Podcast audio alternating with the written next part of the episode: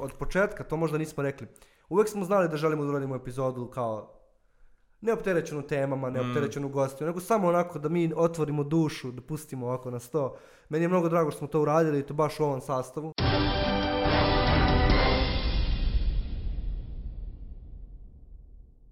Ne znam vi, ali ja nisam očekivao da ćemo uspeti da, da snimimo 10 epizoda ove godine. Pošto to je bio cilj kad smo krenuli s podcastom, kao pričali smo na pauzi za ručak i neko je rekao kao uh, šta, je, šta je output, šta je cilj, šta treba da se desi. I onda je bilo kao, pa da snimimo prvu sezonu. I onda neko, mm. neko je rekao, pa dobro, šta je prva sezona? Pa prva sezona je da izguramo do nove godine. I onda smo izračunali da je to 10 epizoda. I ovaj, iskreno rečeno, ja sam i tad mislio kao, dosta mi je bilo ifi da ćemo, da ćemo to izgurati, ali evo nas, brate, deseta epizoda, specijal. Živi i zdravi. Da, mi smo veoma specijalni. Da, 100%. Ne znam, ja kad sam čuo da ćemo raditi tih 10 epizoda, da meni je to delovalo dosta malo. Uh -huh. Ja sam ono, bi, uh, bio, nekako bio je period kada smo se malo zarolali, snimili smo par podcasta unapred i onda sam mislio kao mi, mi bismo mogli da imamo možda dve epizode nedeljno. A međutim onda bukvalno se u jednom trenutku desilo da ono bili smo bolesni, uh, Sića isto nije bio u kancu, ovaj, niko nije mogu da se pozabavi time i bukvalno je bilo uh, kako ćemo uopšte da se dovučemo do ove desete, da. onako, kao oni maratonci kad istrče ono, maraton pa onda ono 10 metara pred cilj ono, kolabira i onda dolazi onaj drugi da ga vuče. Onako. e to je otprilike ovo, ovo sadašnja epizoda, tako da A, pa da, zato što decembar je mesec koji nije friendly prema m, passion projektima u suštini. O, što je eufemizam za to da u decembru svi umiru od posla. Nije prema zdravlju, da. Da, nije, nije, dobar nikako taj nikako. decembar. Do 31. decembra onda se sve preokrene A, i onda sve postane jako dobro. Ne, u stvari 25. 25. Aha. je katolički božić i svi veliki šefovi odlaze kući, a to znači da ostali pozvršavaju još ono 2-3 dana šta imaju i onda fazom 27. je mm. već ono možeš, a onda mi naravno kao takvi kakvi smo smislili smo nijeli sebi šta ćemo da radimo 30. na 31. Svaki godine. big thing i kao sad ćemo morati da se ono pozabavimo i time još. E, ček, Možda... ja, ček ja da se nadovežem na, na celu priču oko podcasta. Uh, ja sam negde tad tek došao u Žišku, ja mislim. Uh -huh. I Skok je bio u fazonu kao, e, ljudi, snimamo podcast. I četiri lika, ili pe, vas petorica je bilo, ulazite u skladište mm -hmm. koje još nije imalo police. I ja u fazonu, ako ovi budu izašli živi posle dva sata u skladištu, bit će super. I onda sam bio u fazonu, kad sam vidio da je krenula prva, sa onim roze svetlom, crvenim da, svetlom, da, da, da. kako smo to, 20 minut posle te prve epizode bio je uživanje za gledati. I onda posle toga je bilo epizoda po epizodu i kako je išla epizoda za epizodu, tako sam sve više sticao poverenja da ona može da se izgora do 10. I evo, stigo smo. Ja, ja sam ovaj, um, totalno, baš je bio emotivni roller coaster. Prva je bila, to je uvijek tako na projektu, prva epizoda samo da je uradimo, nebitno je. Mm. Druga već ono veliki down, kao u fuck, pa ovo ne postaje bolje, ovo čak postaje gore i tako dalje. I onda tek, ne znam, treća, četvrta, što kaže Goran, tu smo se zavozali, pa smo kao nešto snimili unapred i tako to. I onda opet neki up, i onda opet, ne znam, osma, deveta nešto navučeno, pa deveta A. baš nije ispala kako smo zamislili, a mnogo smo očekivali od nje i ono kao sad opet ovaj specijal. Tako da konstantno mi se samopouzdanje ono ovaj, padalo i vraćalo se, ali zapravo ono što je najbitnije u celoj toj priči je, uh, ljudi su to skontali, ali čisto da pomenem podcast, ne vode uvek isti ljudi. I u stvari je to cela fora, jer kad bi isti ljudi vozili, onda bi možda se videle te oscilacije, a pošto se hostovi menjaju i menja se sa svakom kombinacijom hostova se menja dinamika, onda podcast ne pada kada pojedinci padaju. I to je u stvari, ja mislim, možda i najzabavnija stvar. Da Snaga a, Žiška podcast. A u vezi s tim nismo, nismo Flokija predstavili, to je kao malo, možda je vreme za to. Da, Floki je u stvari sve vreme bio kod nas iza kamera, ovaj, u množinama. Ove, ovaj, I takođe uh, sa nama ovaj, pona, pomagao posle u produkciji, editovanju mm. i na društvenim medijima, sve što vidite u stvari prošlo u nekom trenutku kroz Flokijeve ruke i onda smo odlučili da za desetu jubilarnu epizodu dovedemo čoveka koji je bio iza kamere da sedi sa nama ispred. Um, to je inače još jedna stvar koja nam nikako ne ide u podcastima, to je da napravimo kršteni uvod da ljudi znaju šta gledaju. Nego kao 10 minuta priče i onda, e, sad da vam kažemo kad ste već 10 minuta tu, šta možete da očekujete od narednih sati i po Ali to ti, je, vremena. to ti je organski pristup, znaš. Nijedan razgovor ne počinje tako što sedneš i kažeš sada ćemo razgovarati o Da. klimatskim promjenama, nego, brate, ono... E, tu je recimo o, glavni, e, glavni konflikt koji je ono, u našem podcastu, a to je da sam ja otprilike totalno proračunati lik koji uvek ima plan, a ti si uvek u fazonu organski, ovaj, Polako. ono, nešto ćemo smisliti. I sada pitaću vas sve e, zašto smo počeli podcast i ovo je, e, ja sam ubeđen da mi nemamo odgovor na pitanje kao svi zajedno. Ne. Kao zašto smo mi počeli podcast. Ja mislim da svako ko je, po, ono, ko je učestvovao u podcastu ima svoju motivaciju ličnu zašto se to desilo. Ja bih krenuo od Flokije, iskreno. E, pa mislim da sam ti to pričao, sa Goranom sam seo na, i- isto je bio tipa početak novembra, polovina oktobra, nije ni važno. Seli smo na neki sastanak i on mi kaže, ej, kao, pa, ono, slušaš podcaste, što se ne bi uključio da radiš s nama? I ja bi u fazonu kao, pa ajde, šta bih mogao da radim? I on kao, ajde da, društvene mreže, ajde da radimo story, ajde da radimo uh, videe za YouTube, da pravimo inserte, da puštamo reklame, da ono malo zarolamo priču, pošto smo tek krenuli da vide ljudi. I ja bio u fazonu, do jaja, ovo hoću da radim, jer sam i pre nego što sam došao u Žišku bio u fazonu kao, e, hoću pokrenem neki podcast i svoju ekipu već ono mjesecima proganjam kao, ajmo ljudi, dođite kod mene da snimamo, nemamo ništa od opreme, imamo jedan telefon i uključili bismo ono, snimač zvuka. I kad ste mi, kad mi ono Goran došao i ka- kaže ajde kao uključi se sa nama, ja sam bio u fazonu to je to, ono super mi je.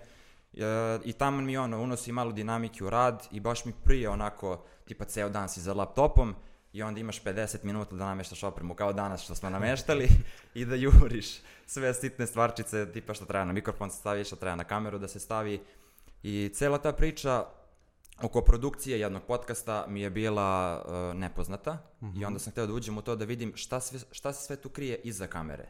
Znači ja sam u suštini onaj lik koji se bavi e, prljavštinom. Vi napravite podcast, a onda ja to treba da sređem i da pakujem. E, tako da to mi je bila neka glavna motivacija. Što smo još odlučili A da, pogledaj gde si sada, da brate, krenem. A vidi sad, ovde. da. Luke Krem de la krem, da. Ne, to totalno liči na mene kao ti. A ti izgledaš kao da možeš da nosiš nešto, dođi vamo da radiš. Goran Da, delegira. da. Eno ljudsko biće tamo na horizontu. Mali, dođi digital da Dođi radiš. ti tamo, da. Ove, zašto, sam, o, zašto si ti počeo podcast? Um, sličan razlog, neki, neki ljudi znaju, pominjali smo to u jednoj epizodi podcasta, ja sam streamovao LOL jedno vreme.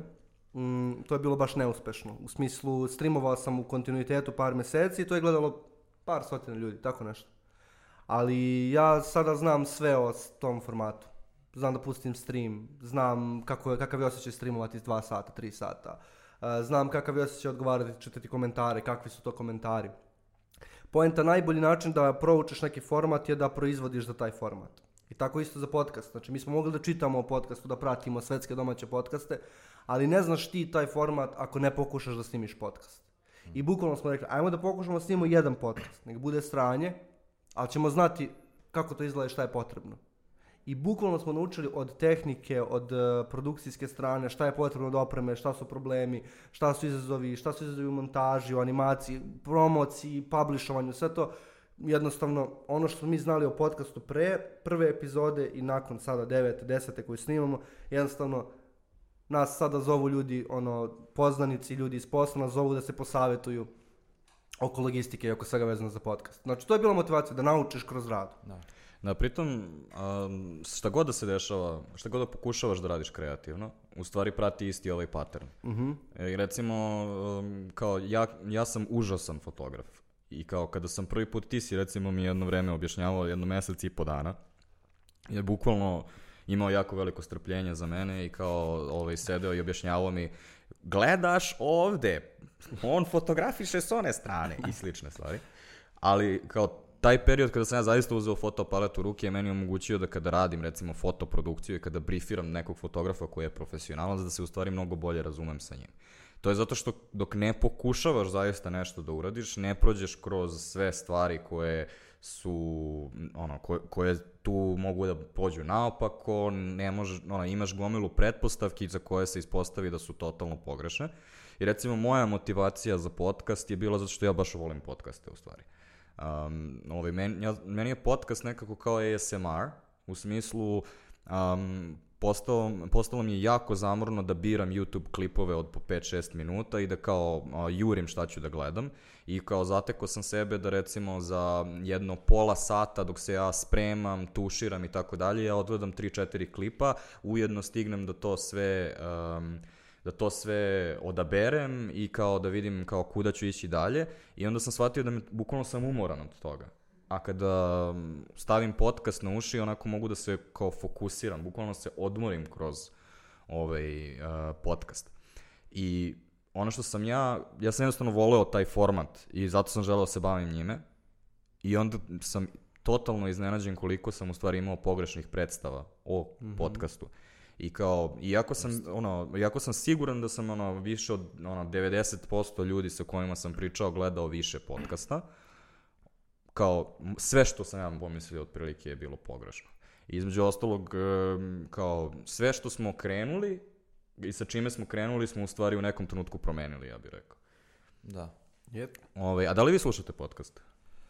Da, baš sam danas uzeo ovaj, uh, novu, novu epizodu Pojačala sa Vanjom Volićem. Mm -hmm. To mi je onako najnovija i Sećaš se, ono, na, meni je najviše žao što nismo uspjeli da stavimo na Google podcast i na ovaj... E, ali to, je, to ćemo zapravo uspjeti da rešimo. To moramo da rešimo. Na, ne, na korak smo od toga da to da. rešimo. Pričat ćemo detaljnije o tome zato na što, kraju. Zato što, uh, ono, pustim podcast u prevozu.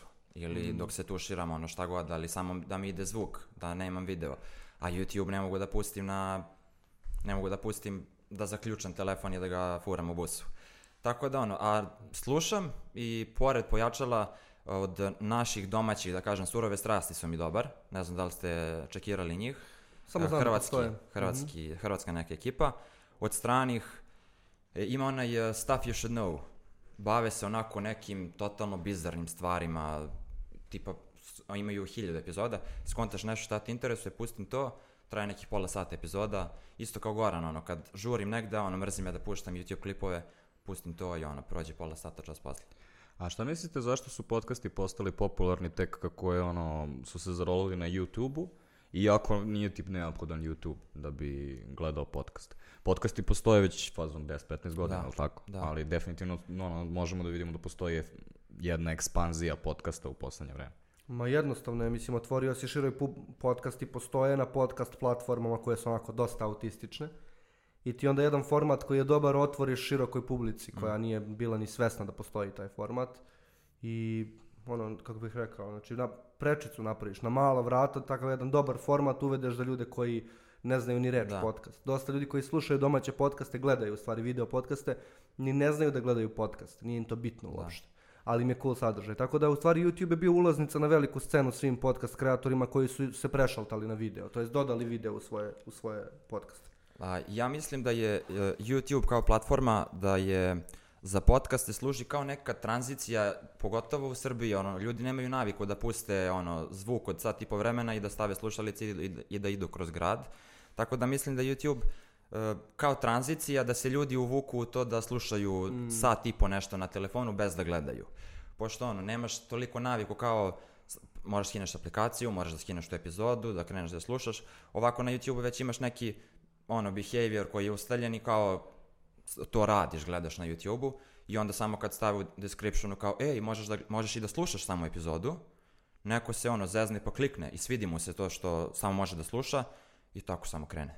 Da, koliko mislite da YouTube algoritam je odigrao ovde ulogu? Jer recimo, um, YouTube algoritam je toliko pametan, i, mislim, ima i trenutke kad je glup, ali je toliko pametan da recimo da razume, pošto ja gledam jako puno Joe Rogana, što jeste ono basic bitch ovaj podcast, ali i dalje mi najviše odgovara on. Svi gledaju međutim, Joe uh, međutim, uh, posto, ja volim da gledam uh, naučnike kod njega, uh, zbog toga što mislim da je on savršen average guy, to je ono sićino, da li ti umeš to da objasniš taksisti, e, Joe Rogan je taksista u svakom svom podcastu u kome dovede nekog naučnika koji onda pokušava da mu prenese nešto, a ja sam donekle tu na nivou znanja Joe Rogana. Čuo sam i ja nešto, ali znači, mi znači... Taksista. Da, i ovaj, kada, se, kada se priča od recimo ono, ovaj, kvantnoj mehanici i tako tim stvarima.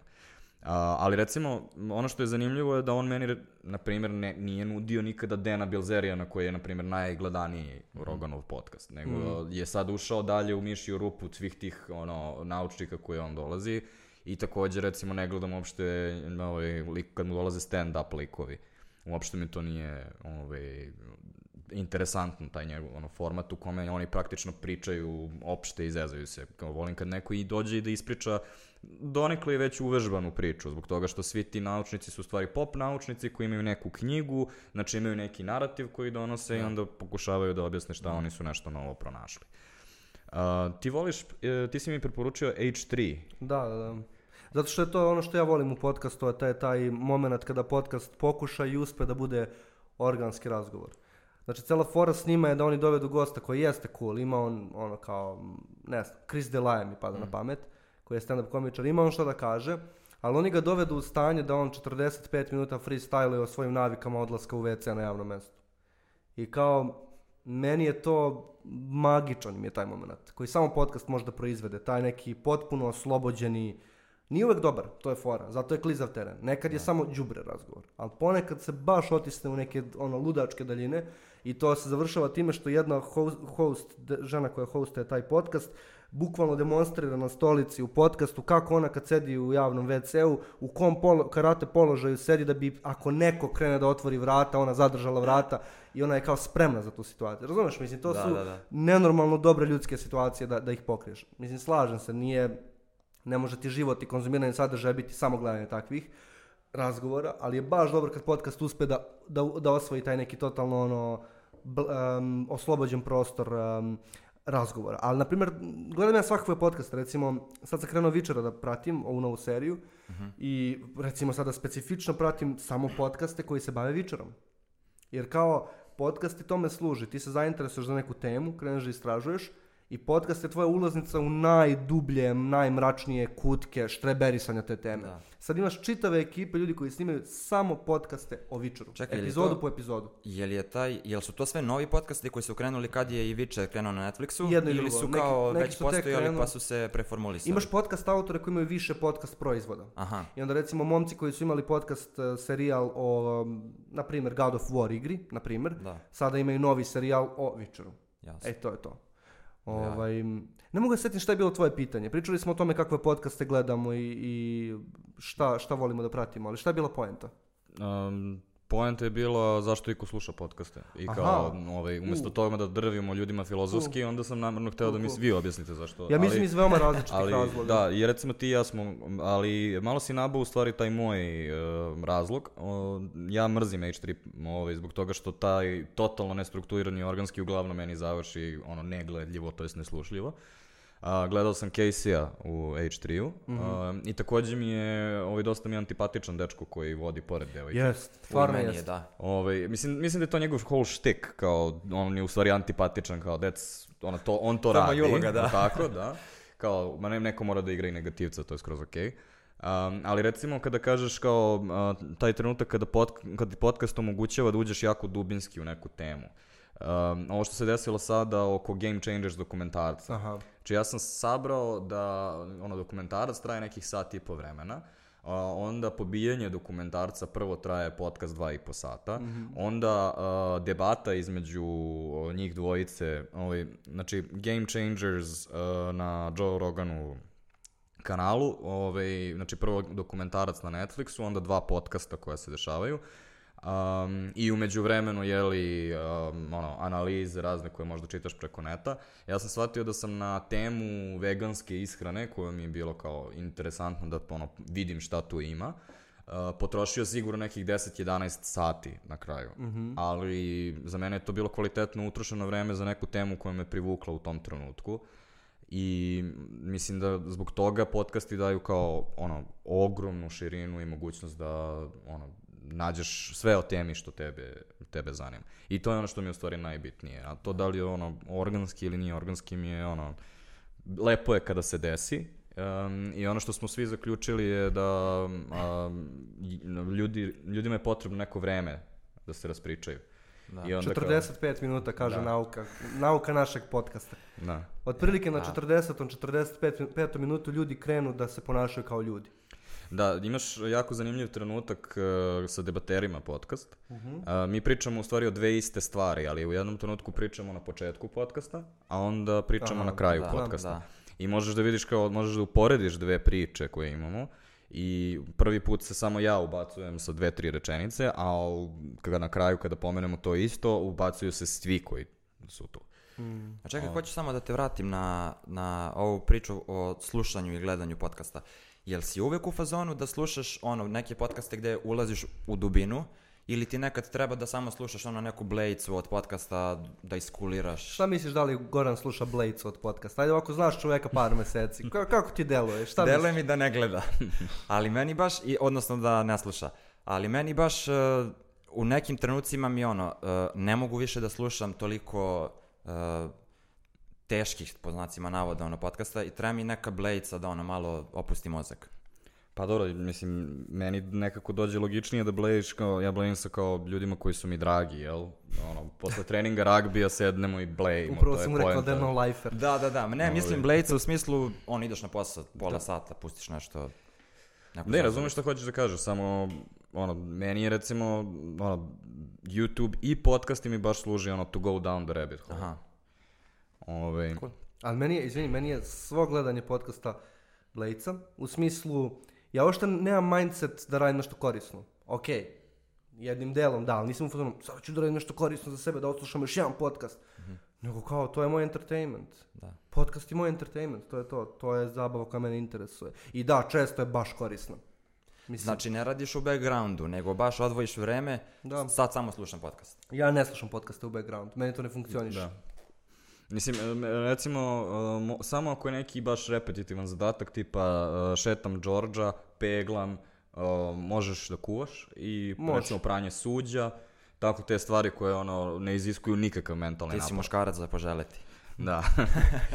Ove, hvala. Oženjene devojke, back off. Dobro. Ovaj, I deserve that. Um, zašto mi? Zašto smo mi seli pred kamere, a nismo uzeli recimo nekoga drugog uh, i da mi produciramo ovaj podcast? Zato što smo egomanijaci. Drugo pitanje. Stvarno, ne, da. mislim, ali da. Mislim, da bi ti seo pred kamere u bilo kom momentu i radio bilo šta, a Žiška ima baš bogatu tradiciju sedanja pred kamere. Ako pogledaš od naših prvih najranijih dana, kad ništa nismo imali ni tu kameru da valja, ni prostorije, ni ništa, mi smo sedali pred kamere i nešto pričali. Znači, to je ipak moraš imaš taj mindset. Spreman si je. Ja kad sedem pred kameru, ja znam da će da se čuje moj užički akcenat, znam da ću da lupim pet strana od kojih ću se stirati u svakoj epizodi podcasta I da ćeš da psuješ stalno. i da će psovati sve vreme, znam da će mi sjetiti moj debeli stomak, ali jednostavno ono, I don't care. Ne? GoPro ima fisheye pa te širi A, malo da jeste, sta, to sa strane. O, ali šalno na stranu, znači prvo moraš imaš taj mindset, moraš da budeš malo egomanijak i da kažeš ja zaslužujem da budem pred kamerama, ja zaslužujem da se čuje moj glas, to je jednostavno jeste stanje uma. Ovaj, I to, to, je, to je dosta važan deo, ali ono što je važnije, osjetili smo da imamo materijala. Realno smo osjetili da imamo materijala, jer smo zbog internih nekih ovdje procesa i statusa i sastanaka i e, radionica i stvari koje smo organizovali, shvatili da mnogo često i vidimo u ljude u našem okruženju u firmi koji imaju koji su strastveni po pitanju nekih stvari, hoće pričaju o tome. I učinilo se da kada bi te ljude stavio pred kameru, da, da, da postoji substance, da postoji stvari koje bi oni željeli da kažu.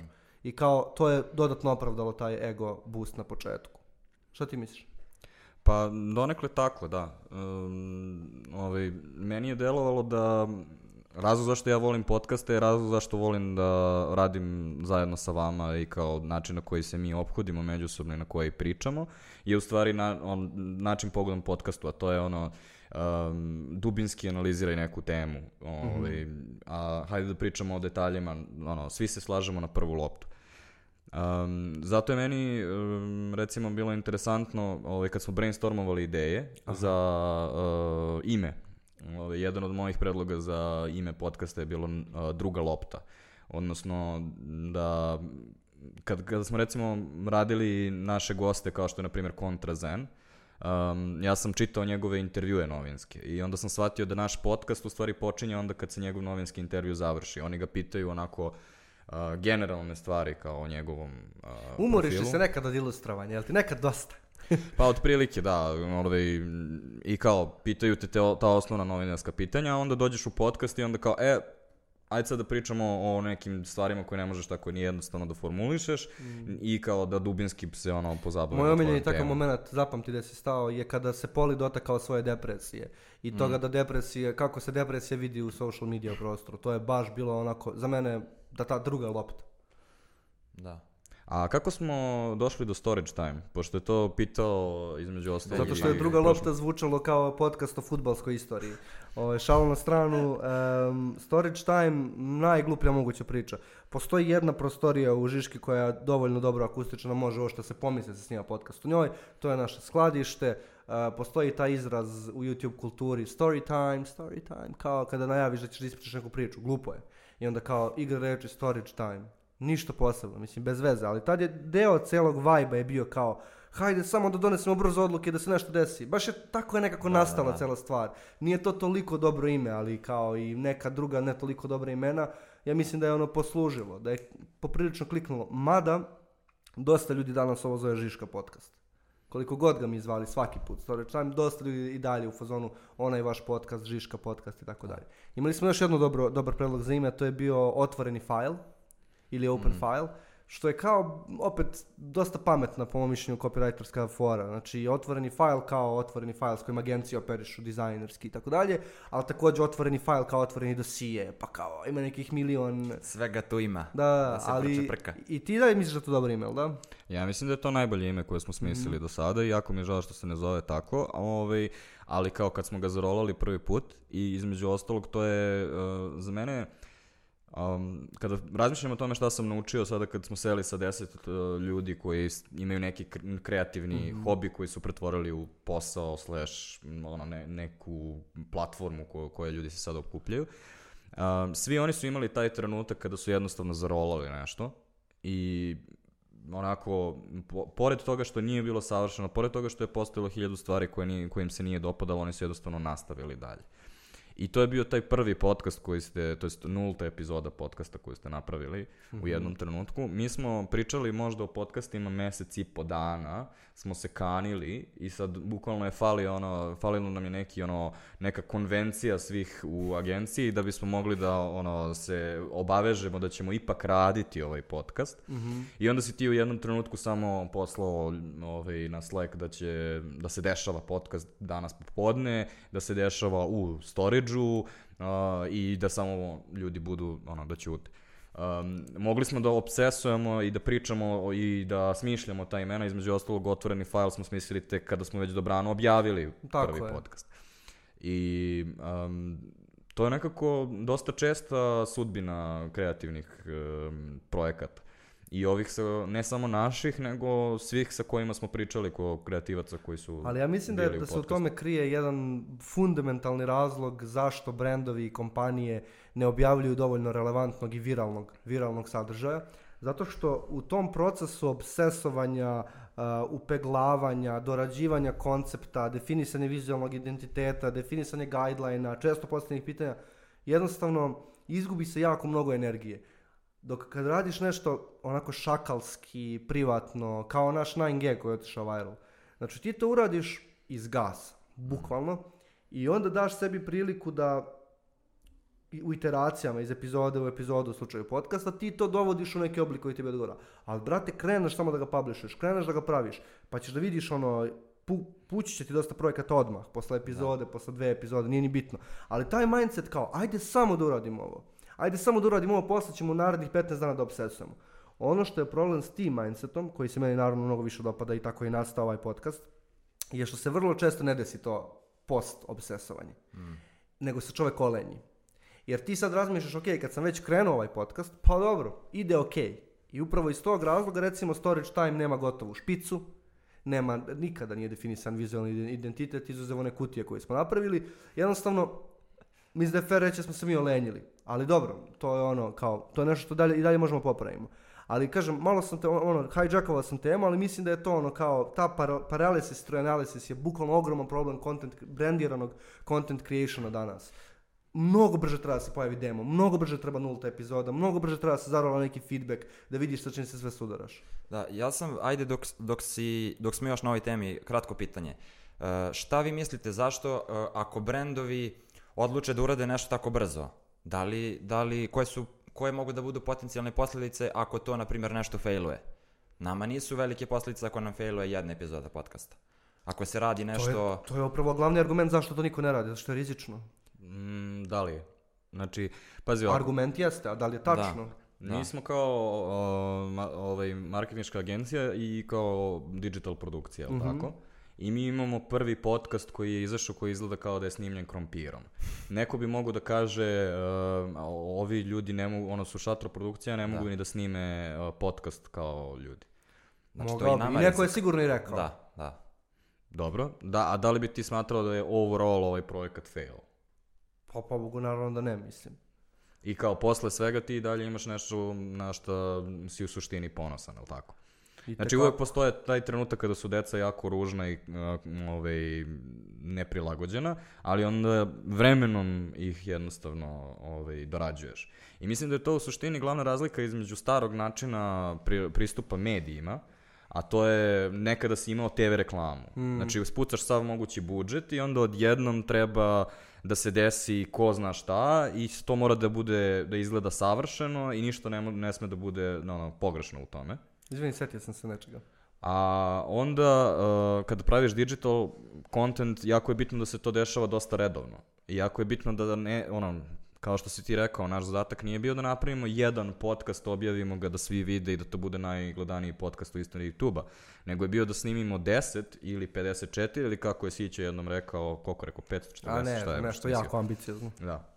Sto jednom Kao, spomenuo. ako radiš tako da treba da snimiš 10 komada, nije održivo da svaki bude ono, overthinkovan, savršen i toliko produciran. Ali evo ti čist primjer ovoga. Mi smo krenuli da snimamo podcast i rekli smo, ne znam, pričamo između sebe, o čemu je podcast? O agencijskoj kulturi. Tako smo mi nešto pričali na Da. početku.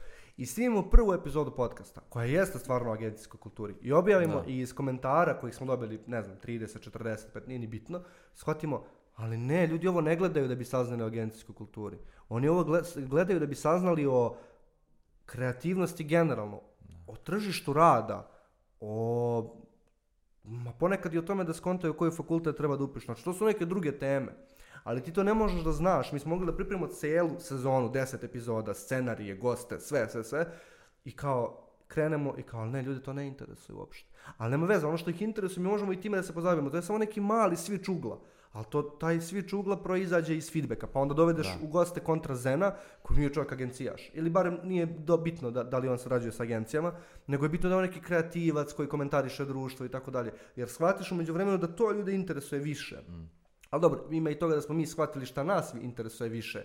Jer snimanje podcasta nije samo, uh, jeste za druge ljude, no, normalno, nema poen, ne bismo ga za sebe snimali, ali mora i tebi da bude gušt. Da. Mislim, moraš ti da želiš da obaviš taj razgovor, jer mi ovo ne radimo za keš, nas briga, razumeš ono.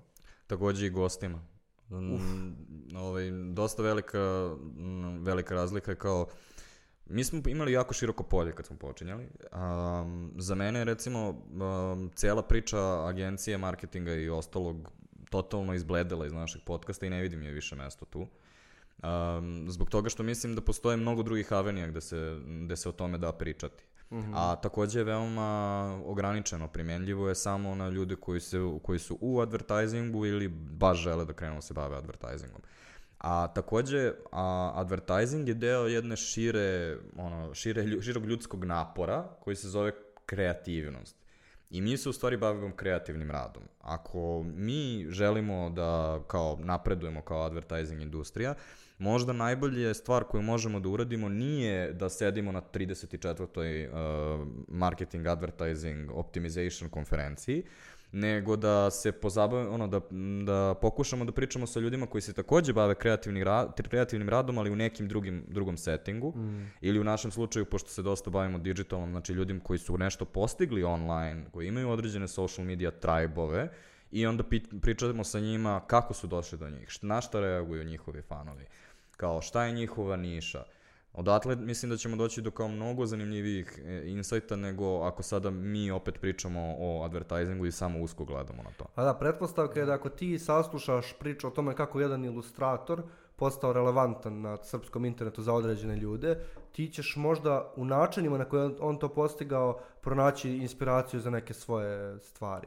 E, ni malo ne preterujem, znači način na koji Marija, devojka iz umetnost kaže koja je bila gost, način na koji ona tretira umetnost, tebe može da inspiriše da neku ozbiljnu temu u brendiranoj komunikaciji na, tretiraš i da, da te inspiriše na čitavu kampanju, uslovno rečeno. Znači, nije bavljanje marketingom samo kad mi sedimo i pričamo ovako se pušta oglas, to je važno, ali to nije samo to bavljanje marketingom. Bavljanje marketingom je ono suštinsko preispitivanje, kako nastaje bilo šta u, u online prostoru, kako nastaje feedback, kako ljudi, kako evoluira rad, kako uh, sve te teme o kojima smo pričali u prethodnim podcastima nisu za mene ništa manje marketinške i ništa manje stručne nego da smo pričali o search engine optimizaciji. Da, u suštini ako ti sedneš sa um, recimo ovaj BG Funkom i on tebi objasni kako uh, izgleda um, ono, šta je hip hop, šta nije hip hop, u tom kom trenutku kao hip hop prestane da bude ono što bi trebalo da bude, odnosno cijela njegova priča o kurčenju i reprezentovanju. Um, št- kao ti u tom trenutku počinješ da dru, mnogo drugačije gledaš celu tu scenu i počinješ da, je, da razumeš njena ograničenja u smislu um, ako želiš recimo da ovaj, radiš neki, ono, da neki brand radi sa određenim hip hoperom, ti shvataš da on ne može da kaže neke stvari ako želiš da ostane u svom Da. ono, hip hop modu. Ali ja bih otišao još korak luđe. Ti onda možeš e, danas sutra u radu s nekim tradicionalnim brendom, na primjer FMCG proizvod, neki OG keks. Ti možeš da razmišljaš kako, kako taj, o, taj keks za koji ti radiš je nekakav ono arhetip Smoke Mardeljana ili taj neki old school rap koji drži neke vrednosti. Imaš sad neki novi keks koji je sobi. Možeš stvarno, ja se sad malo zezam, ali ti stvarno možeš da te paralele povučeš i da, da izvučeš nešto u komunikaciji i da kažeš Ma koga briga šta je pravi keks, kao što mi je rekao, koga briga ko je pra- šta je pravi rep, mi, bitno je da je dobar keks. Razumeš ono kao banalan primjer, ali milion sitnih stvari te inspiriše na milion nekakvih drugačijih načina da promišljaš probleme u komunikaciji. Um, ja, evo imam jedan konkretan primjer. Um, jako, veliki, uh, jako velika pažnja u advertisingu se uh, pridaje optimizaciji, odnosno kako da tvoj ovaj, sadržaj što bolje približiš uh, kroz ono, brojke, ovaj, približiš uh, svojoj ciljnoj grupi. I onda mi analiziramo naše kreative, naše kanale i onda premeštamo budžete, pravimo AB testiranja i tako dalje. Um, svako od naših gostiju je imao priliku to da uradi i razumeo je šta je otprilike osnovna težnja iza toga. Recimo, sa Kontrazenom smo pričali o tome da njemu recimo detektiv Pacov ide najbolje. Isto tako, umetnost kaže, em, ima određenu, recimo rekla je, cecine pesme uvek prolaze najbolje. Čola, da. Da. Čola cec. Za- Čolo je rekla, drži se, ali to je, duše to je bilo pre nego što je napunio Zato šest pravi arena. šest arena, da. Da, ovaj, tako da možda bi sad, možda je pomoću vremenu počela da postavlja više čole. A, ali recimo oboje su znali šta je njihov sadržaj koji najbolje ide, tačno. ali takođe um, jedno od njih nije uh, poželelo da tragom toga šta najbolje ide nastavi da, da gradi svoj identitet. Znači, svi u stvari ono, rade iz toga što žele ipak nešto da, da, da kažu. I onda um, ovaj, sve što ulazi pod tu kapu u smislu um, sav sadržaj koji smisle, koji može, koji ima smisla da se objavi na tom kanalu, oni žele da ga proizvedu i onda tek posle, znači prvo je da žele da ga proizvedu, a onda postoji ta jedna crna rupa koju iz nekog razloga svi preskaču, a to je oni svi objavljuju, iako misle da rade za sebe, oni svi objave to. I onda posle toga jeste e, da dolazi taj deo kada neko to gleda i tako dalje. Odnosno, onda tek na kraju razmišljaju o svojoj publici.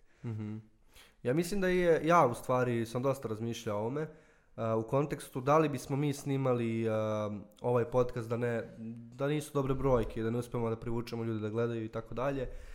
I u stvari mislim da je za mene istina negdje između. U smislu da, ja ne želim da snimamo podcaste koji će biti najgledani. Mi smo mogli od prve epizode da pozovemo influencere s kojima sarađujemo i da, oni plagu, da, da ih plagujemo, da oni dovedu svoju publiku. Što se na neki način sa Sićom desilo, ali moglo Ali- je to mnogo ekstremnije da se Da. desi. Ovaj, ali da li to znači da ćemo mi nastaviti da, da to radimo? Ne. A, da li to znači da smo mi forsirali taj Sićov plag? iz- Ne, to se desilo jednom. Između druge i treće epizode on je jednom pomenuo na svom kanalu podcast i to je bilo to. Više nikad. Još uvijek. A, ali šta je poenta? Ponekad, mm, meni se barem dopada, to hijackovanje javnosti. I dopada mi se taj moment, ok, mi radimo kvalitetan podcast. I bio je skoro neki komentar na, nedavno na YouTube kao koliko je ovo underrated, kao to neko napisao koliko je ovo underrated. I kao I really felt that. Mislim, jeste underrated. Sranje je da naši podcast imaju 1000-2000 pregleda. A, ali opet to neka realnost podcast scene i tako dalje. Ali Da. poenta, ok, radit ćemo jako kvalitetno naše podcaste, ali aj s vremena na vreme da baš izgrmimo, da, da, da ono, čisto da probamo, da dovedemo nekoga za koga znamo da možda nije jedan jedan naš gost i da odradimo neku epizodu koja će opet, kao što je video uradio za podcast format, uraditi za naš podcast, kao otvoriti vrata široj publici. Ta vrata će se vrlo brzo zatvoriti, ali neki ljudi će ostati Pa da. da gledaju. I zato ja volim s jedne strane da, be true to your content, ali s vremena na vreme ga malo, malo se brate ekspozu, iskreno. To je ovo je moj ono kao najličniji stav, nemam pojma što ti uopšte misliš o tome, ali kao...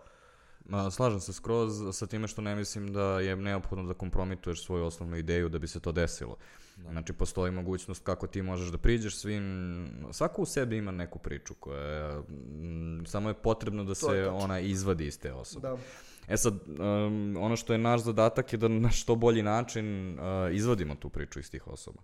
Što, ono, moram priznati da je jako teško. Uh, ljudima je jako teško da artikulišu to što rade. Uh, ja- jako je teško nama da recimo paralelno pratimo da podcast ima određenu strukturu, da ujedno pokušavamo da postavljamo potpitanja da bi to teklo lepo i bilo slušljivo, ovaj, da ne kažem gledljivo za vas.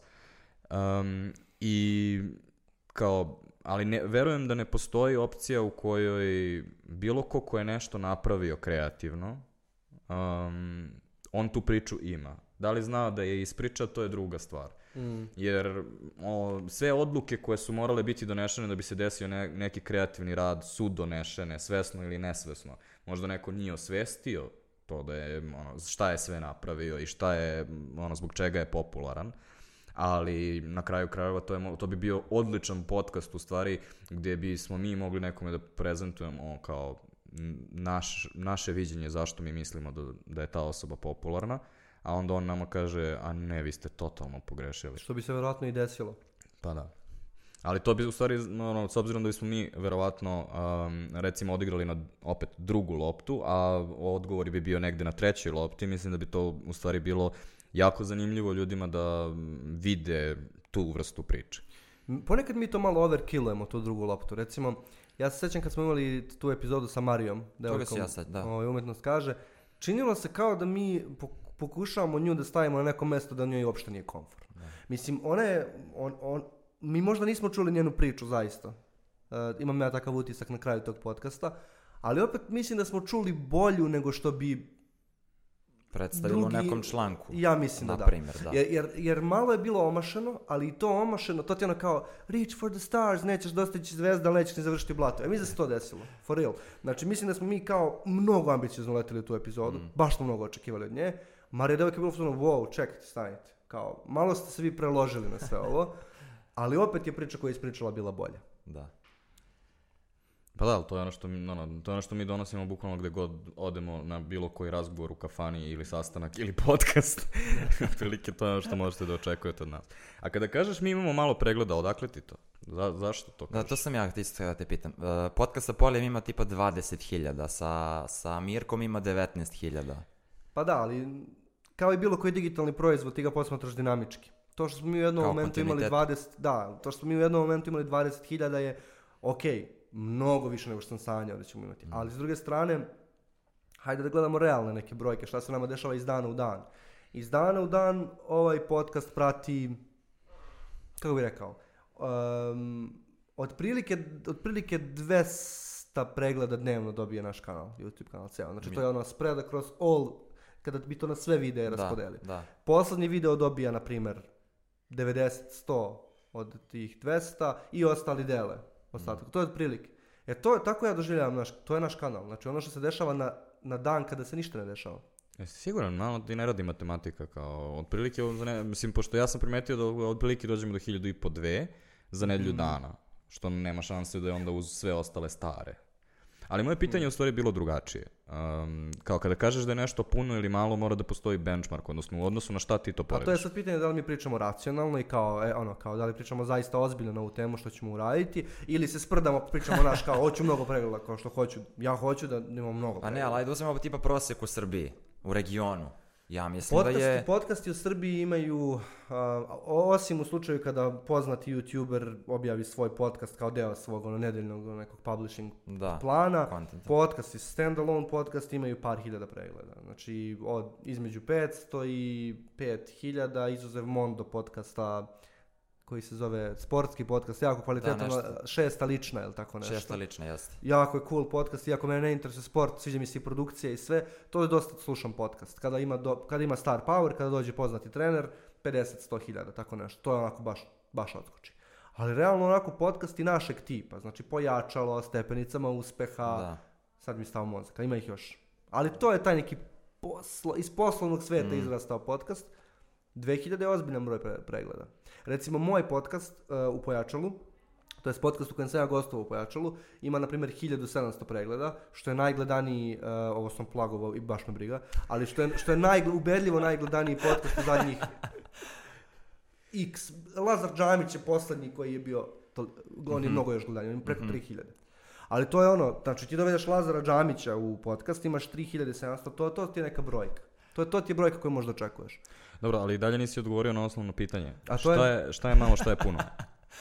O, oklen ti to. Nije jedan broj, znači ovako, bukvalno, hajde da vidimo koliko imaju pregleda naši podcasti, hajde da vidimo koliko dobijaju prvog dana, hajde da vidimo koliko imamo komentara, hajde da vidimo koliko od tih komentara je smisleno, hajde da vidimo koliko pregleda dobijaju naši podcasti od pre pet nedelja, hajde da vidimo koliko naši klipovi dobijaju pregleda. I kad sve to ukrstimo, onda možemo da izvedemo neki zaključak tipa, ljudi su i dalje neodlučni u vezi s tim da li žele da prate Storage Time podcast, Ok, neki ljudi su krenuli da ga prate u nekom momentu i vraćaju mu se s vremena na vreme, ali nemamo jako veliku bazu redovnih gledalaca podcasta. Naša baza redovnih gledalaca, gledalaca podcasta je oko hiljadu. Ja bih tako rekao. I to je za mene jako dobro, ali baš jako dobro za prvu sezonu, Da. jer moje očekivanja su bila one, u mojim najluđim snovima neki naš video bi prešao hiljadu pregleda. I moje najluđe očekivanje u vezi sa subscriberima je bilo da ako nam baš bude dobro išlo, baš ako izlomimo, imat ćemo hiljadu subscribera na kraju prve sezone. Da, a, a samo jedno pitanje. Zašto misliš da su ljudi neodlučni po pitanju storage time Ja više mislim da je uh, da su ljudi neodlučni po pitanju podcasta uopšte, kod nas. I, istina je, Više da. mi deluje, jer ono, ja sam sa FPN, pola moje generacije je odslušalo možda jedan podcast u, za vreme četiri godina faksa. Znači, uopšte ne postoji ta kultura slušanja podcasta. Mhm. Ne znaju da postoji da ono ukucaju na YouTube-u da pronađu to. Jeste, to je, to je potpuno, ti si potpuno u pravu. Dakle, postoji i šira neodlučnost u vezi sa samim formatom. Ali to je ono što ja vidim. Da, ali mislim da si propustio ovaj, jednu stvar, odnosno sada se vraćamo na drugu loptu. Viš kako ovo ra- radi čoveče, možeš da vidiš. Spreman sam da budem Am, probovan. ti si sve vreme govorio o view-ovima. Koji je average watch time? Dosta visok zapravo. Znači, ako naše epizode traju sat i mm, 17-18 put, minuta, e, naš e, average, e, dakle, prosječna dužina gledanja na nekim epizodama je 20 minuta čak. Na nekima je 15. 14, 15, 16, 20. To je, I pazite, sad- to je prosječna dužina Da. trajanja gledanja. Meni je to uh, važnija metrika od, vi- od pregleda, broja pre, pregleda. Jeste, da. I sad, uh, ajde da kažemo da, pošto je to average, znači um, nećemo pomnožiti sa brojem viewova, znači to je nešto manje ljudi je na tom average-u. Uh, jesu neki došli random i oslušali 30 sekundi i to je view. Ove, takođe mi koji editujemo ovaj podcast smo sigurno nekih 50-ak 100 viewova napravimo Sigurno. Ovaj, tokom nedelje. A, ali kao, zamisli da ti, ono, nije li sjajno da svake nedelje ti e, možeš 20 minuta da popričaš sa auditorijom koji ima minimum 500-600 ljudi. To, zamisli sad, znači, pošto ti ljudi zaista gledaju to i oni zaista se fokusiraju na to što pričamo. Zamisli da mi imamo, recimo, jedan amfiteatar negde na nekom fakultetu koji ima 600 mesta i koji je dupke pun u kome mi pričamo svake nedelje. Da. Kao ja bi, ja bi to smatrao neviđenim uspehom. E sad, samo zato što je ovo u online uh, sferi, mi to nekako dismisujemo samo zbog toga što neki drugi klipovi i neki totalno druga vrsta sadržaja ima mnogo, mnogo više pregleda. Ali samo bi, sve, sve mi je što si rekao tačno, samo bih dodao jednu stvar. Za mene je još moćni moment kada se desi komentar na podcast. Zato što, ok, cool mi je što Da. ti ljudi prate, ali ljudi koji se odvaže i pišu nam, a bilo je takvih ljudi čak i tokom prvih epizoda, to je najmoćnije. Jer mi smo dobili, ono, stvarno realne komentare. Naravno, dobili smo komentare, Sića treba povišicu, Miloš je debeo, ne znam. em, A pa nismo E, dobili samo Miloš je debeo. da, dobili Imali smo Miloš je najslađi, dva, tri srca smo to, to smo Nisi imali dobro isto. zapamtio. Da, da, da. Da. Savršen je reč koji tražiš. ali, ali imali smo komentare I, pro, I ljudi- provjeravao sam nije tvoja majka. da, da, da, tamo poslo, žena ima ra- druge profile koje handle. ovaj, em, šta sam teo, da, znači mi smo dobili komentare od ljudi iz Makedonije, iz Bosne, koji, na primjer, trenutno razvijaju neki svoj proizvod ili uh, upisuju neki fakultet ili generalno su htjeli da podele s nama svoje mišljenje o nekoj temi. I kao to je za mene također baš važna metrika. I, i n- uvek gledam, gledam preglede, ali preglede ću možda i zaboraviti da pogledam, ali komentare, ono, svaki koji izađe, meni se sviđa sme, imam notifikaciju na telefonu, ali svaki komentar koji dobijemo ja ga pročitam. Svaki komentar je kao tvoje dete. Jest, i svi su im podjednako dragi. Svaki lajkuješ sa uživanjem. A znate šta se dešava kod mene? Uh, kod mene se dešava dark social i uh, real life. U Aha. smislu, ja sam mnogo više komentara dobio uživo. I um, bukvalno su uh, ljudi koji, s kojima se ne vidim mjesec i po dana, recimo, ono, prva stvar koja kaže, e, gledao sam i onda insert sad ime epizode koja im je privukla pažnju i obično kažu gledao sam pola sata ili gledala sam pola sata i o, ovaj, bio si super, užasan, ovo mi se nikako nije svidelo, a, od Game sam recimo dobio listu stvari koje treba da popravimo, koje je imala jedno oko 50 stavki. Da. Ovaj, ali um, jako je zanimljivo što um, ono, jako puno ljudi ima nešto da nam kaže o ovom podcastu, ali recimo u mom slučaju jako malo njih bi ostavilo ono komentar na, na YouTube. To ima smisla, to ima veze Da. sa demografijom. Ljudi naših godina teško to rade. Dok mlađi, recimo ljudi koji prate podcast od 18, 16, tako 20 godina, su mnogo spremniji da, da ostave komentar. Da. I isto tako i da se subscribe-uju. Slično je u tom smislu. Da, ali također um, pitanje je kao šta dobijaju time što ostave komentar. Um, Dobio kao- naš iskren odgovor. Pa da li, je, ono, da li su većina komentara nije pitanje u stvari. Ali kao oni ulaze u neki community ovaj, koji se dešava dole ispod našeg klipa. I recimo meni je tu najzanimljivije bilo iz tvoje još uh, streamovanje Lola karijere. Da. Trenutak kad te je shoutoutova baka. Mhm. I onda je nekih 50-100 klinaca samo nagrunulo na tvoj kanal na kome smo bili samo ti i ja. Fazon imali smo dva viewa i nas dvojica smo u streamu. I kao nikog živog nema i odjednom se dešava ono, bukvalno kao da je neko ono, parkirao bus sa ekskurzije i pustio ih sve fazon u naše slušalice. I to se dešava. I kao taj community koji se stvori, mini community koji se stvori ispod svakog klipa je u stvari nešto što postoji samo na YouTube-u, ne postoji nigde drugde. I to je, pri, uh, to je kako bih rekao, poznato ljudima koji su koji žive taj YouTube život, koji su subscribe-ovani kanale, prate YouTubere, rade sve te stvari, ono, um, nije, naša generacija nema to. Recimo, ja mislim da, Da, već ja ne naša ostavljam generacija... komentare uopšte. Mm. Nigde, ni na jednim društvenim Pa, mreži. a i ne očekuješ da ćeš izgraditi community na Da. YouTube. Mislim da je to, da je to stvar uh, ove neke mlađe generacije koja je došla, ali svakako je meni zanimljivo i mene puni nekom energijom, jer kao, ima tu, bude tu dosta dobrih komentara, iskreno rečeno. Ima, ima konstruktivnog feedbacka Mm. svakako tu. Ovaj, e, ne znam šta ste vi kontali, kako se zove, čemu ste još, da li ste želeli još, još o nečemu pričamo, ono što sam ja svakako želeo da uradim je da ovaj, em, napravim nekakav recap toga što se desilo do sada na samom kanalu. I št- Rewind. da, i šta će se desiti od sada na samom kanalu. Um, ok, ovim smo recimo završili tu neku prvu sezonu. Imali smo 10 epizoda, imali smo različite goste, probali smo tri stud setupa, znači snimali smo u, u skladištu, pa smo snimali u ovoj prostoriji, pa smo snimali ovdje, pa smo kao, sad smo, manje više smo se tu smestili. Ovaj, uh, ono što bi trebalo da se desi, dakle da, Storage Time bi trebalo da nastavi da postoji u 2020. godini također da izlazi na nedeljnoj bazi.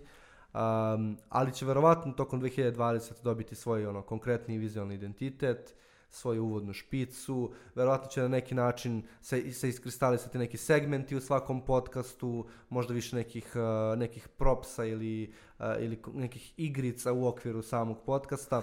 Ovaj, mislim da će to onako postati jedan formiraniji, uh, formiraniji, kako bih rekao, digitalni proizvod.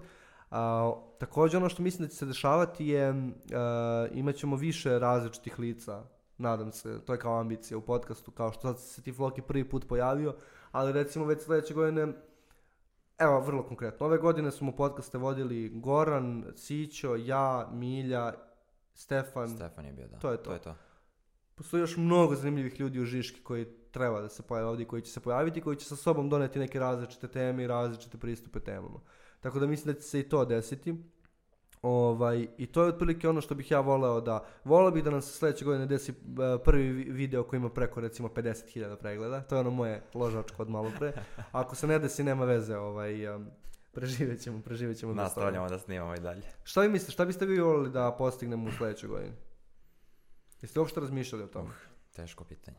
Da, ja kad razmišljam o tome, kad razmišljam o budućnosti ovog podcasta, prvenstveno razmišljam o tome kako ja da um, budem bolji u tome da pomognem ljudima da ispričaju njihovu priču. Dobro. Zato što, recimo, uh, ja sam slušao vaš, pošto nisam bio tu, ja sam slušao vaš podcast sa BG Funkom. Aha. I um, ovaj, zanimljivo je da sam ja vama pripremio ovaj, neki koncept toga. I um, a, ja sam da pripremio taj koncept na osnovu razgovora koji sam imao sa njim kada smo mi sedeli u nekom restoranu i raspričali se. Ja sam bio u fazonu, ovo je bukvalno samo da sam zapisao, to je da sam ga snimio, sad mogao sam da napravim podcast o tome. I onda se ništa od toga nije desilo.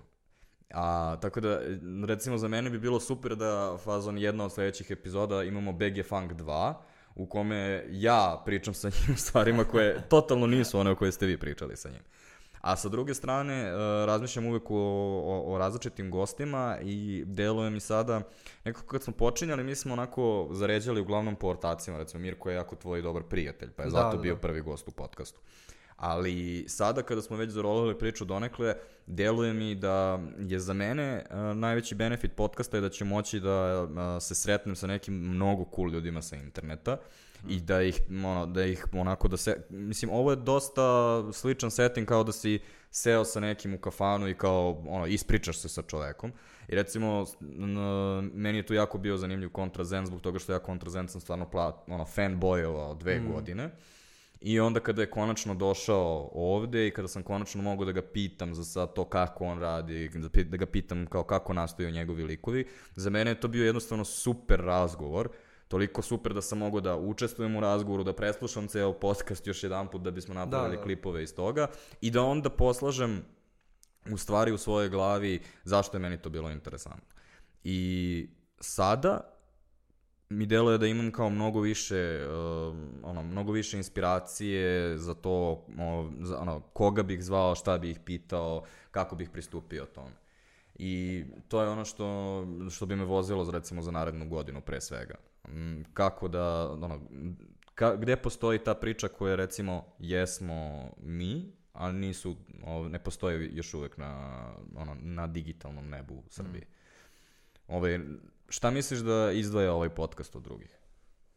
Hm. Meni spontanost. To je dosta ljudi reklo. Spontanost i ono, ludi, nisu konvencionalni gosti koji bi vidio kao je sad ću da dovedem neko iz advertisinga da priča o Facebook oglašavanju. Nego i ajde da dovedemo Mariju koja je napravila profil umetnost kaže da vidimo šta ona ima da nam kaže. Nešto, znači, baš mi je e, spontano, ono, kao, osjećam se, to mi je, to je, glavni feedback mi je bio na prvu ili drugu epizodu, e, kao, osjećam se kao da sam tu za stolom, kad se, kad slušam podcast, naš. I to mi je bila glavna stvar koja, koja mi razlikuje od drugih podcasta. Ovo će baš biti underwhelming odgovor. To jest, uh, još jedan komentar koji dobijamo konstantno je da koristimo mnogo engleskih izraza i to ljude baš smara. Da ne kažem trigger. Miloše, samo ti koristiš mnogo engleskih izraza i to ljude triggeruje. Ali sad sam zaboravio što sam teo kažem. Dođevalo. Imao si Zašto? underwhelming kom- Da. komentar. A, ja mislim da je e, stvar koja, koja odvaja ovaj podcast od drugih ton. Dakle, ne ni gosti, ne, ne ni tema, nego taj neki ton kojim se bavimo temama, taj ton je, mi smo ga nekako, nismo se mi baš dogovorili da se on formirao, koji je bukvalno sumirano u jednoj rečenici, mi iskreno želimo da čujemo tu priču i nemamo nikakvu drugu agendu i nemamo nikakav drugi ono viši cilj, e, mi podstičemo preduzetništvo u Srbiji, mi, da, radimo i te stvari, ali u osnovi mislim da smo ljudi koji baš vole da pričaju priče i da slušaju tuđe priče. I, da- I mislim da se u stvari to oseti Da. s polja kao spontanost, ta iskrena želja da se to čuje. E to mislim da je, ali onako malo je, na, bio bi bolji odgovor tipa, mi imamo Ne. najbolje goste iz te sfere. Ne, nemamo tako nešto, ali... Ali, Cool je odgovor. ovi, ja mislim da ono što, što izdvaja nas je da mi nismo, mi smo podcast u kome gostuju neki ljudi, ali je podcast o temama, a ljudi su sekundarni. I kao, Da, da. um, to recimo om- između ostalog omogućava da se desi BG Funk 2, jer ono, ko- ako ste odgledali, odgledajte obavezno ovaj podcast sa BG Funkom, on je ostavio više nedorečenog nego što je rekao. I kao, i- možeš da imaš više ljudi, um, ovaj, to jest, možeš da imaš jednu osobu koja ima gomilu tema uh, i glavna stvar je um, da na neki način nađemo teme koje su relevantne ko, ovaj, za publiku i da ih približimo publici. Znači, nije poenta da približimo osobe publici, već da nađemo šta publiku zanima i da onda uh, nađemo jednostavno dovoljno inteligentnog i obaveštenog sagovornika sa kojim to možemo da... I ako pogledaš Prođemo. naše podcaste i kao nacrtaš grafik opterećivanja biografskim i faktografskim podacima od prve epizode do posljednje, ok, ima varijacija, ali to je onako pa, opadajući trend. Mi smo u početku, jer ne znaš ti kako da vodiš razgovor od sat vremena, pa se uhvati, pa kako je sve krenulo, pa kako ste Da. vi krenuli. Ali to u stvari nije baš nekakav jako stimulativan razgovor. Znači, to je taj biografski razgovor sa gostom koji se očekuje od intervjua. Zato mislim da je cool u prvim epizodama što smo ju radili, e, da su gostovali ljudi koje znate. Lakše ti je da vodiš razgovor s nekim koga znaš nego s nekim koga ne znaš, Da. pred kamerama, sa mikrofonom, ako to do sad nikad nisi radio. Pitanje je, nama možda sigurno jeste, nama, je sigurno lakše kao ovdje koji sedimo ovdje, ali pitanje je koliko je to bolje za publiku. Jer e, kada publika ne zna da se mi znamo međusobno. I onda se des, dešava, recimo, e, ja, imam, ja sam ubeđen da smo mi sa Mudrinićem, kada smo imali podcast, u nekom trenutku skliznuli u inside jokes. Prilike samo nas troje koji su Da, tu da, da. sedeli, sva, shvataju o čemu se radi. A Između ostalog smo svi nešto laprdali, pošto Mudrinić priča jako brzo i onda smo se nas dvojica ubrzali. Mm. I onda smo mi tako jako brzo pričali o stvarima samo koje su nama jako bitne i tako dalje, ne znam da li je kuspo da i to isprati. I kao, razumeš? Jasno ono, je, kada, da. se, kada je neka osoba koju stvarno vidiš prvi put i koju uh, bukvalno je u tvom mozgu onako samo, oni su samo gost u podcastu, onda ti je mnogo lakše da priđeš na način na koji publika to može da razume. Da, to mi je... Ali to ti je Interesantan ono, pristup. kao kad podcast ti promeni na neki način, jer ti sad recimo pričaš s ljudima i sad ja te pitan kako si. I ti meni kažeš dobro. E, moj instinkt je da ti meni nisi dao odgovor na pitanje i ja želim da čujem stvarno... To misliš da su ljudi e, loše osjećaju, pa zato kao kad kažu dobro. ne, moja poenta je da ljudi- ljudima nije default i nije im instinkt da ti zaista odgovore na pitanje. Oni više za- završavaju neku socijalnu Pro funkciju. forme kao. Ali ne, stvarno kako si. Šta, to ti je ono pitanje koje je jako kliše u poslovnom svetu, ali odlično. Uh, what's your greatest struggle at the moment? Šta je tvoja najveća patnja u trenutku? Šta te najviše brine trenutno? U čemu najviše, na šta najviše trošiš energije? Ja mislim da smo s ljudima koje smo uspjeli da dovedemo u podcast, uspjeli da dođemo do tog razgovora. A to je težak razgovor, do njega se teško dolazi. Ljudi nisu spremni da se otvore da pričaju. Tako Jer je. ti kad dođeš ovdje kao na primjer Mudrinić ili bilo koji drugi gost, ti pre svega nisi ti baš tu došao potpuno blentav. Ti znaš čime se ti baviš, ti znaš kakvu bi sliku želeo da projektuješ o sebi. Mm. I onda ako dovedeš ljude u to stanje da ti na pitanje kako si ne odgovore dobro, ti si ono uradio ogroman posao. Um, ok, um, nisi objasnio na kraju ljudima. Šta? Zašto koristiš toliko stranih reči? Aha. A, ma, kao i sve druge stvari, ono, prejednostavno je. Sve što mi radimo je neprevedeno na srpski jezik. Sva knjige, sve knjige koje čitamo, sva literatura koju nabavljamo, sve stra- svi strani izvori znanja su na engleskom jeziku. Nikada nisu prevedeni. 90% stvari nikada nije prevedeno. Kada se toliko drogiraš tim stvarima, tvoj mozak, hteo ti, ne hteo, bio koliko god želiš da budeš srbovanje nastrojen, tvoj mozak jednostavno popusti u nekom trenutku. I ti kreneš da koristiš strane izraze jer je prosto prirodnije i lakše za tebe. Koliko god nakaradno zvučalo na kameri. I onda da, ti pokušaš da se ispraviš, ali jednostavno svaki tvoj pokušaj da se ispraviš 5, 10, 15% tebi oduzima brzine u razmišljanju i realno te ono, kripluje. Realno, realno čini da se osjetiš em, Lošije u, u trenutku Da, kada govor. govoriš. I onda je stalno borba kao, ok, želim ja da se trudim da koristim srpske izraze, ali ne po cenu toga da se osjećam kao krompir u sobstvenom podcastu, iskreno. A sa druge strane, e, postoji to da značenje u stvari nije isto. Nije isto. Recimo, share je meni najbolji za to. Mhm. Kao, ako kažeš neko nešto shareovao, to nije isto i kad kažeš neko nešto podelio. Potpuno nije isto. Znači, ne, kada je neko nešto podelio, to je daleko ljudskija stvar i desilo Jeste se u stvarnom moćnija je svijetu. stvar. Šerovanje je, brate, soci, ono, social media interakcija. Tako je, to se desilo sigurno na Facebooku, Mm. znači ili na ono, YouTubeu ili negde na Messengeru. A takođe, e, ne možeš da pobegneš od toga da deliti, takođe ima duplo značenje. Mm. Imaš deliti kao ja, recimo, a takođe postoje i ono, Deliš deli nešto. smo sve na pola. da, to je E. bio, znači imamo obavezno, barem dva puta mora da se otpeva narodna pesma da bi storage time bio. A znate inače vezano za, za to, da, to inače uvek imamo to pjevanje i I samo igranje. izvini, ovaj, ovo sam zaista morao ovaj, da te konfrontiram. Da li si ti zaista pitao šta je Ceca na govori? Moja omiljena Cecina pesma. Ne, samo mislim da ta pesma nije toliko dobra, iskreno.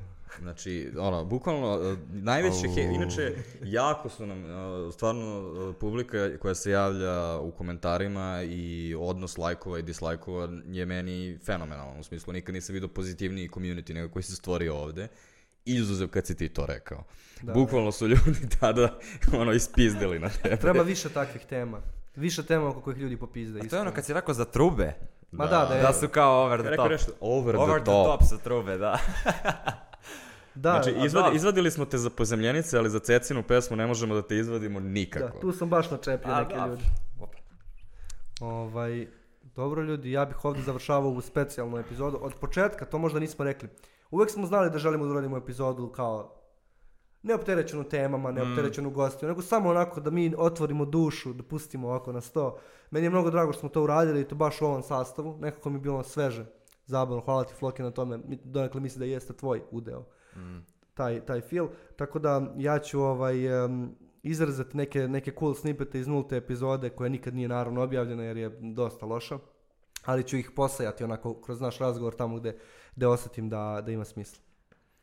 I šta ćemo sad? Pošto na kraju smo, na kraju kao postoji, to jest to smo ustanovili kao jednu stvar Da. koja se dešava, jeste da treba nešto da uradimo u kameru što će biti ovaj, thumbnail. Thumbnail i onda ga na kraju ne iskoristimo. Nikad. Da, nikad. Nikad. Tako, Tako da, da- ćemo Osim- sad da radimo nešto, ajde da iskoristimo to. Imam ideju. Ajde. Pišite nam u O, ne. komentarima kako da završimo podcast, stvarno nemamo ideju šta ćemo. Pa Dođemo ćemo- ovako na kraju, isteknu sve baterije i onda mi kažemo gostima da su istekle baterije i onda ih pošaljemo Ko u kući, izbacimo napolje, bukvalno do, ja sam došao da naplatim, ako možete samo... E, možete vi još da sedite, ali pali se svetla, Da, da, da. kreće prljavo kazalište na razglasu i tako to. Puštamo da nam... Kraj. Gasi. Znači, prljavo kazalište na razglasu može da bude kraj. Nek nam je sa srećom. Prljavo kazalište nego parni valj. Ja nosim kofer ljubavi veliki crveni.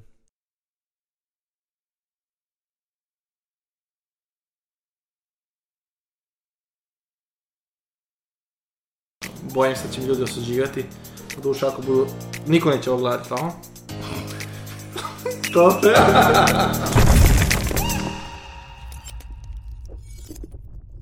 I čao, dobrodošli u najnoviji podcast Storage Time. Prva epizoda ili ovo bi bila neka nulta epizoda koja nikad neće izaći.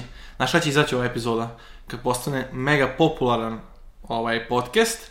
I onda nikad- stota epizoda, razumeš, će biti ova kao special, razumeš? Epizoda koju nikad nismo pustili. Može, mislim da je to okej. Nekako kad pozovemo goste i kad možemo da im kažemo kao aj dođi kod nas u podcast snimamo u skladištu, iskreno mi da će ljudi htjeti da dođu. Kao, da vide Aha. šta je to. U Los Angelesu ili u Americi, tako da je ta industrija mnogo jača. Svako ko diše i jede, ima podcast. Bukvalno. Znači, ima milion ljudi svi imaju podcast. A, ja volim Game of Thrones. Uj, imam podcast, razumeš. U fazonu okupe se drugari, ali mislim da ćemo mi onako pokušati da... e, da, da bude da je ipak malo do publike, da nije samo o Game of Thrones, ja volim Game of Thrones, nimam podcast, nego nešto bi bilo zanimljivo i drugim ljudima. I'm the guy. Ali onda se postavlja pitanje šta tebi fali, to jest šta je ono što ćeš ti najviše morati da naučiš u radu. I to je u stvari, ok, razumeš social mediju, razumeš kreiranje sadržaja, ali da li razumeš brendove? To jest E, da. šta brendovi žele na social mediji i kakav sadržaj brendovi žele i kako uopšte nastaje bilo koja kampanja. Izvinjavamo se zbog prekida programa. Nastavite dalje. Nekoliko treba vremena da, da prvi put pupuješ na poslu. Um, mislim da je tad praksa je jako brzo je odgovor. Kratak odgovor jako brzo. A, a oh my god. Prvo razmišljam da li si razumeo pitanje. što? Pa, pupuješ. Vršiš veliko A, nuždu. nisam te razumeo. Šta si ti mislio? Šta sam ja čuo? Nebitno. Um, Koliko treba vremena? da pupujem, jesmo i dalje na tome, bre. Da. Brati, Uf, jako me zanima. Zadržavam odgovor, jako brzo. Što može da se desi. I bukvalno sebi nacrtaš scenariju. Najgore što može da se desi je Pući ću u Beogradu, nećemo imati da platim stan, pući će mi kanal, mislim, izvini, sad možda Da, te mračam, da. ali realno, vratit ću Ne, ne, se u žednik. Ok, ne zvuči toliko strašno. Kao Da. pick-upovat ću gde sam stao, imat ću neko novo iskustvo. Da, da, da. Nekako kad tako poslužiš, nije toliko strašno. Nije, nije. Tako isto nam bilo za biznis, kao bankrotirat ćemo, ok, izgubit ćemo klijente, mm, ok, kao, Da. i šta, jedan dan ćemo morati ponovo da tražimo posao. Fine. Bukvalno, da. I to ja mislim da je baš dobar mindset za, za bilo šta, nije bitno da li se baviš ovim poslom, bilo kojim drugim poslom, YouTube-om, nije ni bitno. A pomenuo si Gary Vee, mislim, ne znam koliko je to jasno iz svega, ali neko kao ja, naravno da znam za Gary Vee, Gary Vee se bavi mojim poslom, Da. našim poslom. Gary Vee je čovjek iz marketinškog sveta. Klip, ono, emotivan i jako, ne znam, kao ne znam da su to snimili. Jako mi čudno što su to snimili. A jesi gledao ti kad Siću priča o mrvcu? Aj, joj, aj, aj. Ljudi nas su živjeli u epizodi. Joj. ne može bolje da se završi. To je bila nulta epizoda koja će izaći kao specijal za 100 epizoda. Ćao. To je to.